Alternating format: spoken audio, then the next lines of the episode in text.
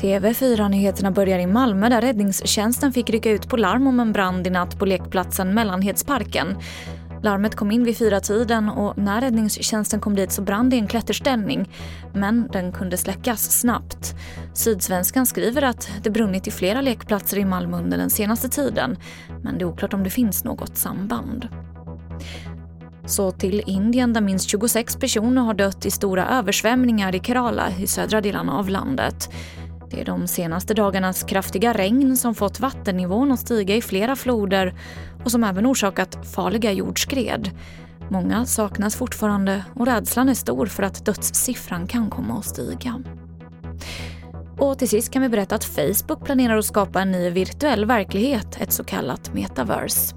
VDn Mark Zuckerberg räknar med att anställa närmare 10 000 personer i EU de kommande fem åren.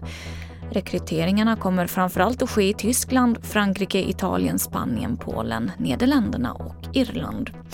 Och företagets mål är att koppla ihop existerande plattformar med en ny digital verklighet där det går att socialisera och interagera i en helt annan skala än tidigare.